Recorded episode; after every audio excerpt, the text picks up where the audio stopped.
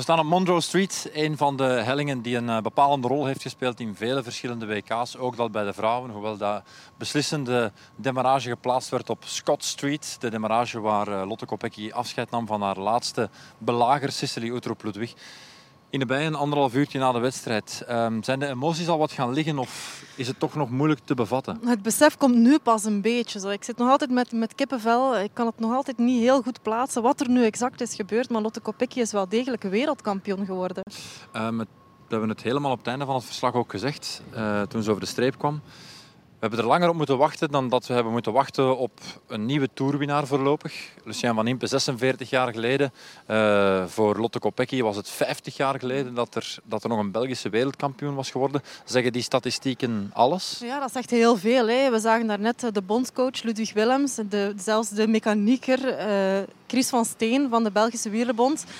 En voor die mannen is dat een proces van jaren geweest. Die blijven geloven in, in rensters die er op, dit moment, op dat moment niet toe deden, maar nu plots toch het hoogst haalbare mee naar huis nemen. Ja, dat is fantastisch. Blijven erin geloven, waarschijnlijk op een moment dat weinig anderen ja. erin geloofden. Ja, en zeker het mannenwielrennen stond zo hoog. Dus het was altijd opboksen tegen. Uh, tegen die mannen. En, en, en dan vandaag gaan ze, gaan ze ermee aan de haal. Het was ook een, een mooi antwoord dat Lotte Kopecky gaf over kijk, we zijn een geweldig grote wielernatie. Maar de vrouwen hinkt er achterop. En ja. we hebben eindelijk bewezen dat we ook een ploeg hebben. Dat we een ploeg kunnen vormen.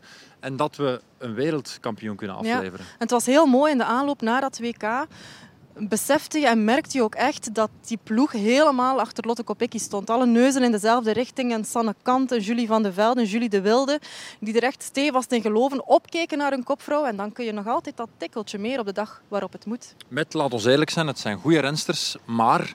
Um de Nederlandse ploeg is kwalitatief beter. Uh, de Britse ploeg is kwalitatief beter. De Italiaanse ploeg is kwalitatief beter. Met andere woorden, onze Belgen zijn boven zichzelf uitgestegen. Ja, en, en dat heeft heel vaak te maken met het type van kopvrouw. Er was maar één kopvrouw, Lotte Kopecky, die geloofde keihard in zichzelf. Geloofde en straalde dat ook uit naar haar, naar haar teamgenoten. En dan kun je altijd gewoon nog, nog meer. Ja.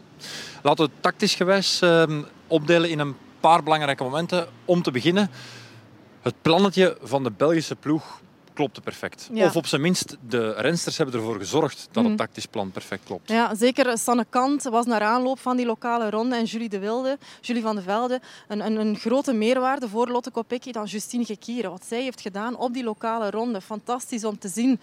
Um, alle Belgen die er vandaag aan de start stonden, hebben een steentje echt wel bijgedragen. Ja.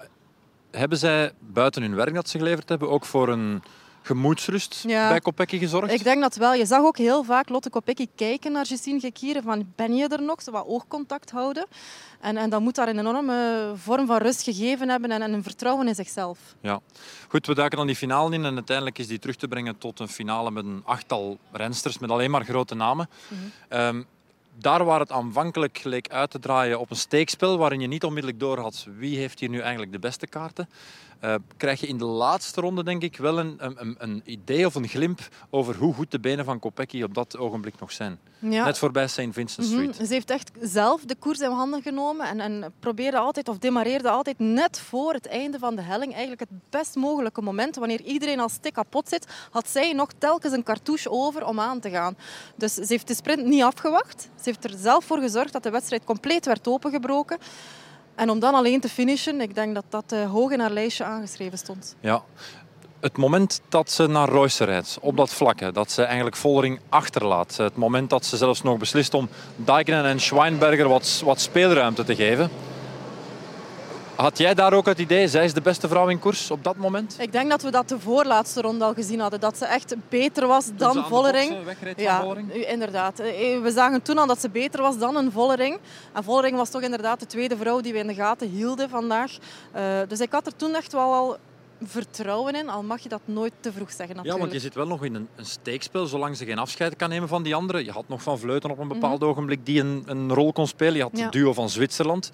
Um, ja, je kan wel zeggen dat je ze eraf rijdt, maar zolang je samen bent, is het, was het toch vooral kijken naar Kopecky bij velen. Absoluut. En ik hoorde Ludwig Willems ook daarnet na de finish. En hij zei dat Lotte Kopecky zelf een beetje zenuwachtig werd van het feit dat Chabé zo lang op kop had gereden. En dat dat gat maar niet gedicht werd. Uh, dus ze zat een beetje met de zenuwen. Je zag haar ook heel vaak gesticuleren naar de andere rensters. Hè. Uh, maar ze heeft toch die coolness bewaart zeg maar, en het perfect kunnen afwerken. Ja.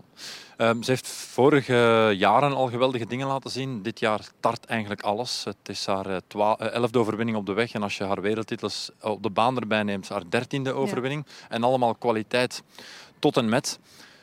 Durven wij zeggen, dit overstijgt alles en iedereen wat we ooit gezien hebben eh, als vrouw op een fiets? Ik denk dat wel. Hè. Zeker als je zegt als vrouw op een fiets, maar als je kijkt naar 50 jaar geleden en het vrouwenwielrennen van nu, dat is van zo'n danig ander niveau dat dit alles overstijgt. Ja, dus we hebben naar een unieke prestatie ja, gekeken. Absoluut wel. Ja. Uh, probeer dus ook iets breder te trekken. Wat doet dit voor het vrouwenwielrennen, denk jij?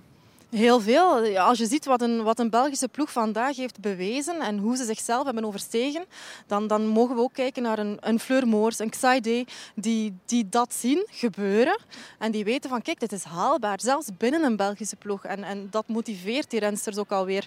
En zelfs de jonge rensters die, die, pas aan denken, die er pas aan denken om te beginnen koersen.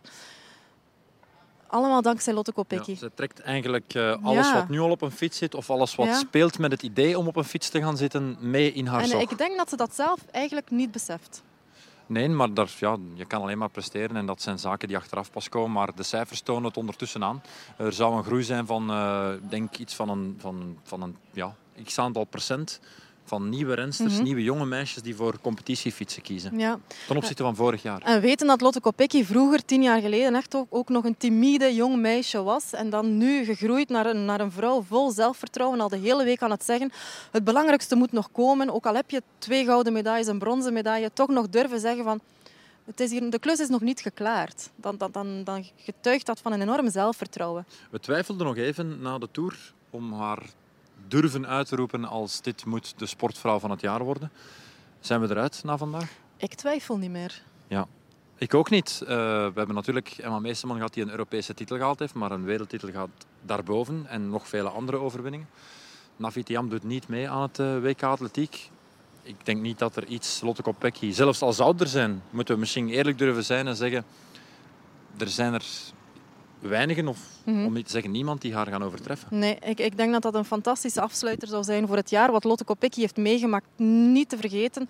Wat ze op, op privévlak allemaal heeft doorgestaan dit jaar. Dat getuigt van niet enkel intrinsiek een hele goede sporter te zijn, maar ook een geweldige kop te hebben.